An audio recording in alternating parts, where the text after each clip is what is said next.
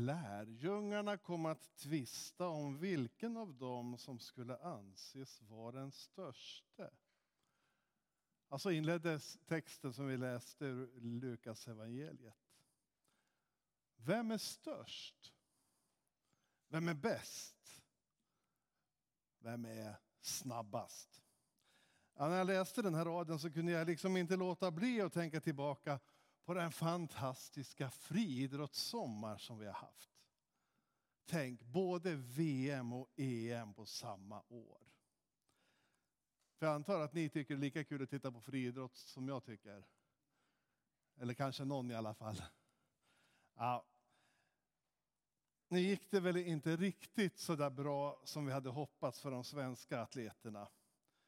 Men eh, hur som helst så har vi fått många timmars spännande underhållning. Och så genom alla kval och försök och åttondels och kvarts och semifinaler och till sist finaler så har vi fått se världs och Europamästare koras. Ja, nu har både VM och EM svarat på frågan vem är störst och bäst? Och inte bara det. Vi har fått veta vem som kom tvåa och trea.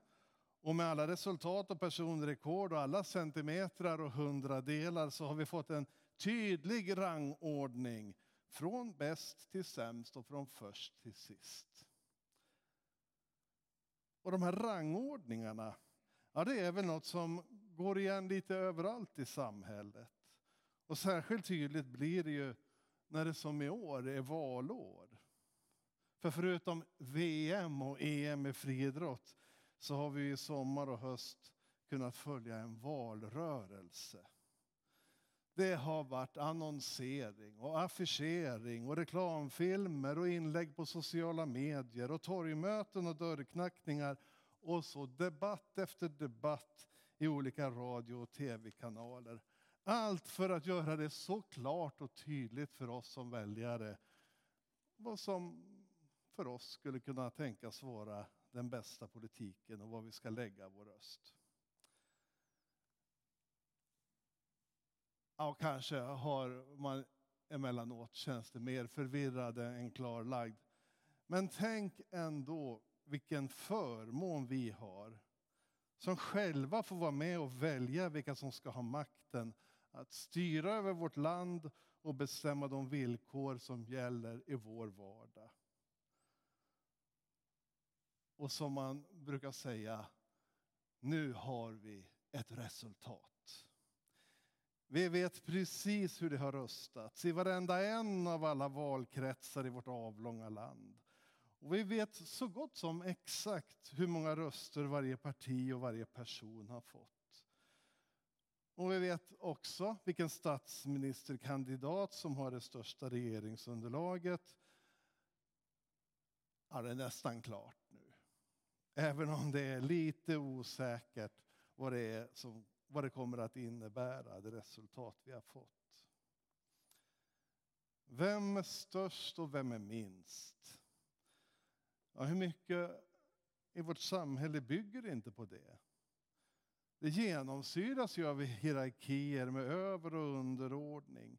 Där några är utsedda till att bestämma över andra och de som står under ja, har åtminstone emellanåt bara att utföra det som är bestämt. Ja, det här är ju maktstrukturer som vi känner igen från militären, från företag och myndigheter, ja, från, från nästan alla områden i samhället. Och även om vi i vårt land kanske är kända för att ha relativt platta sådana här organisationsstrukturer ja, men så finns det här med över och underordning där och maktstrukturerna. Och kanske kan vi känna igen de här hierarkiska strukturerna inom kyrkan och i församlingar också. Och allra tydligast blir det kanske i de gamla kyrkorna, katolska, ortodoxa, där vi har präster och biskopar och kardinaler och så påven högst upp i toppen. Men jag tänker att de där rangordningarna, de finns också i våra lite mindre församlingssammanhang också. Vi står ju i en demokratisk tradition där varje medlem har sin röst. Men i andra traditioner har det här apostoliska ledarskapet lyfts fram där en stark ledare i någon mening ändå har sett som sanktionerad av Gud själv. Och så finns ju förstås det där mer informella ledarskapet. Man vet helt enkelt outtalat vems ord som väger tyngst. Och så rättar man sig lite efter det där.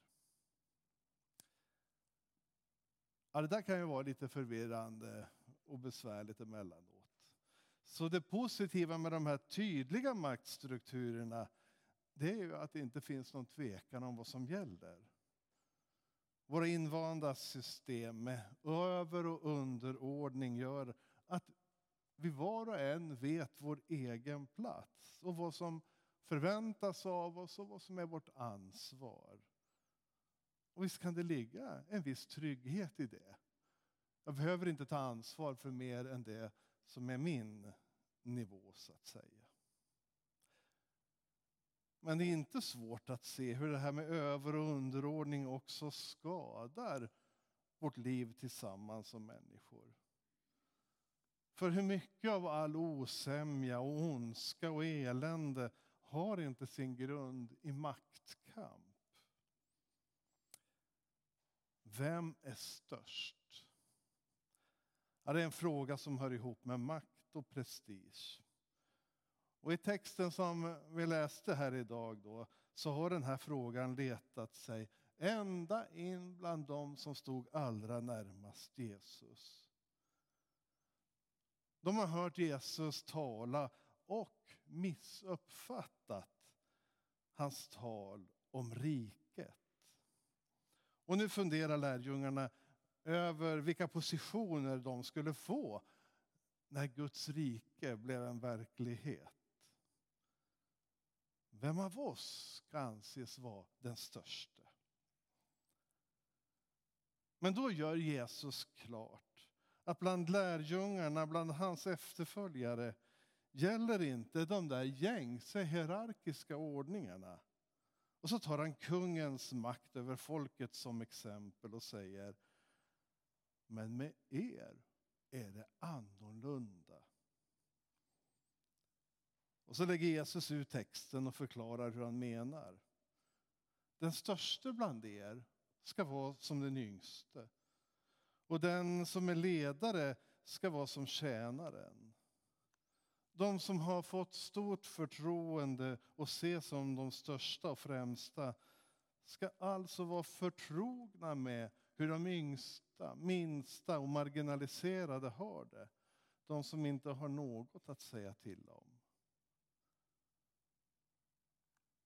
Det här ledarskapet brukar påven på ett symboliskt sätt visa genom att på skärtorsdagen tvätta fångarnas fötter på något av Roms fängelser.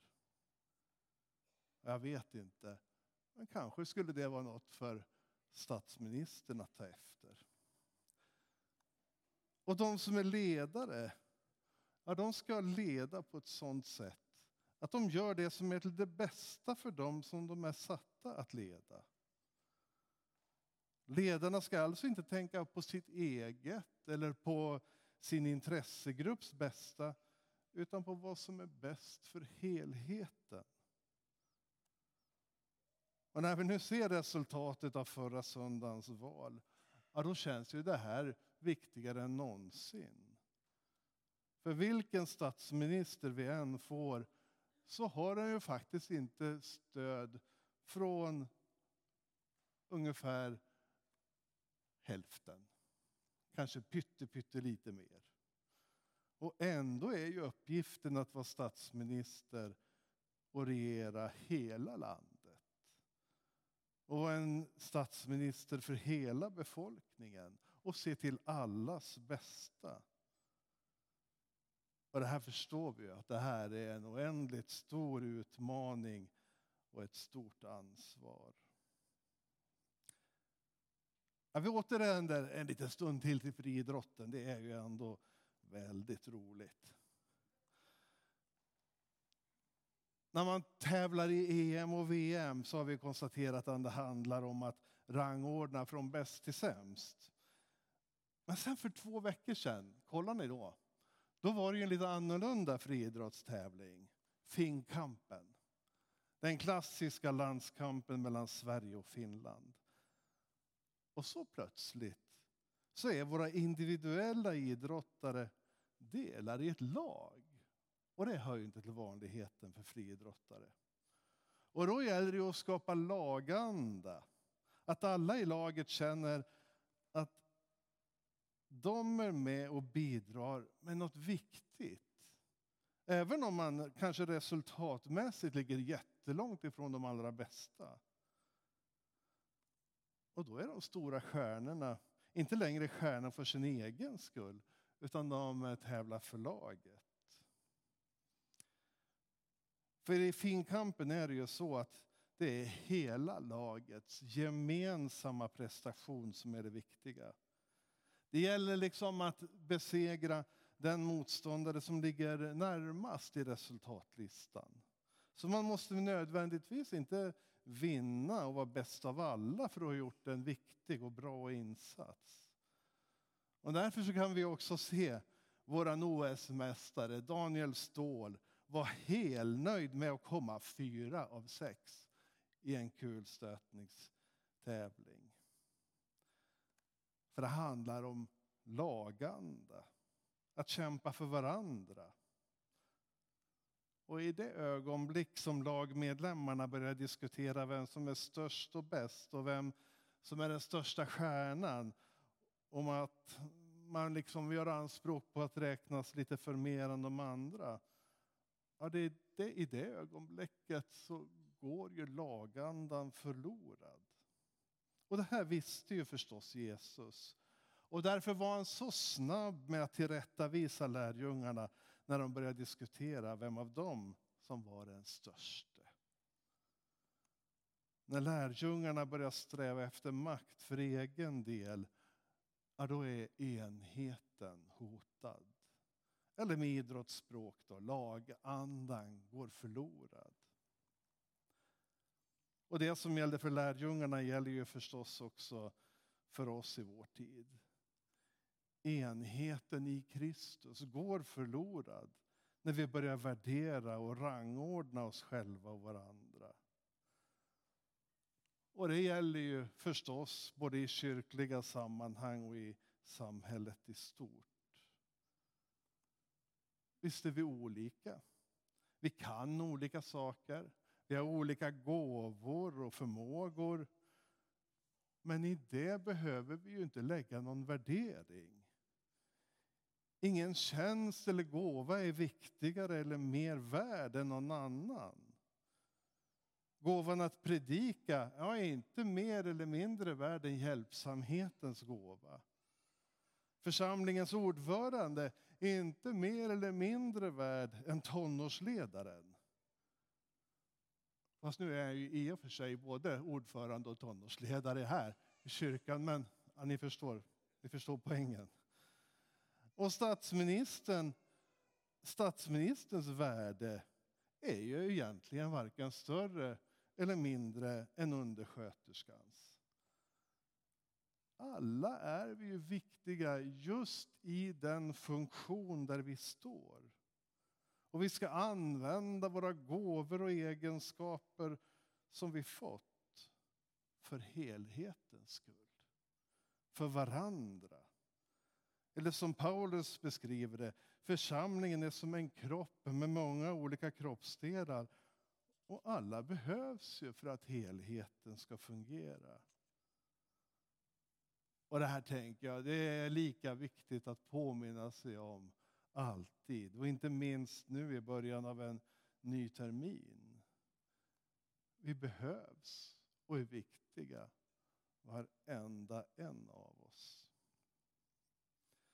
Och Jesus varnar oss för att ställa frågan om vem som är störst. Han påminner oss om att den störste ska vara som den yngste och att ledaren ska vara som tjänaren för enhetens skull behöver vi öva oss i ödmjukhet. Var beredda att underordna oss varandra, lyssna till varandra, också till den som inte själv tar ordet och gör sin röst hörd. Det handlar om att öva sig i att göra det som är det bästa för helhetens skull. Även om man får göra avkall på det egna.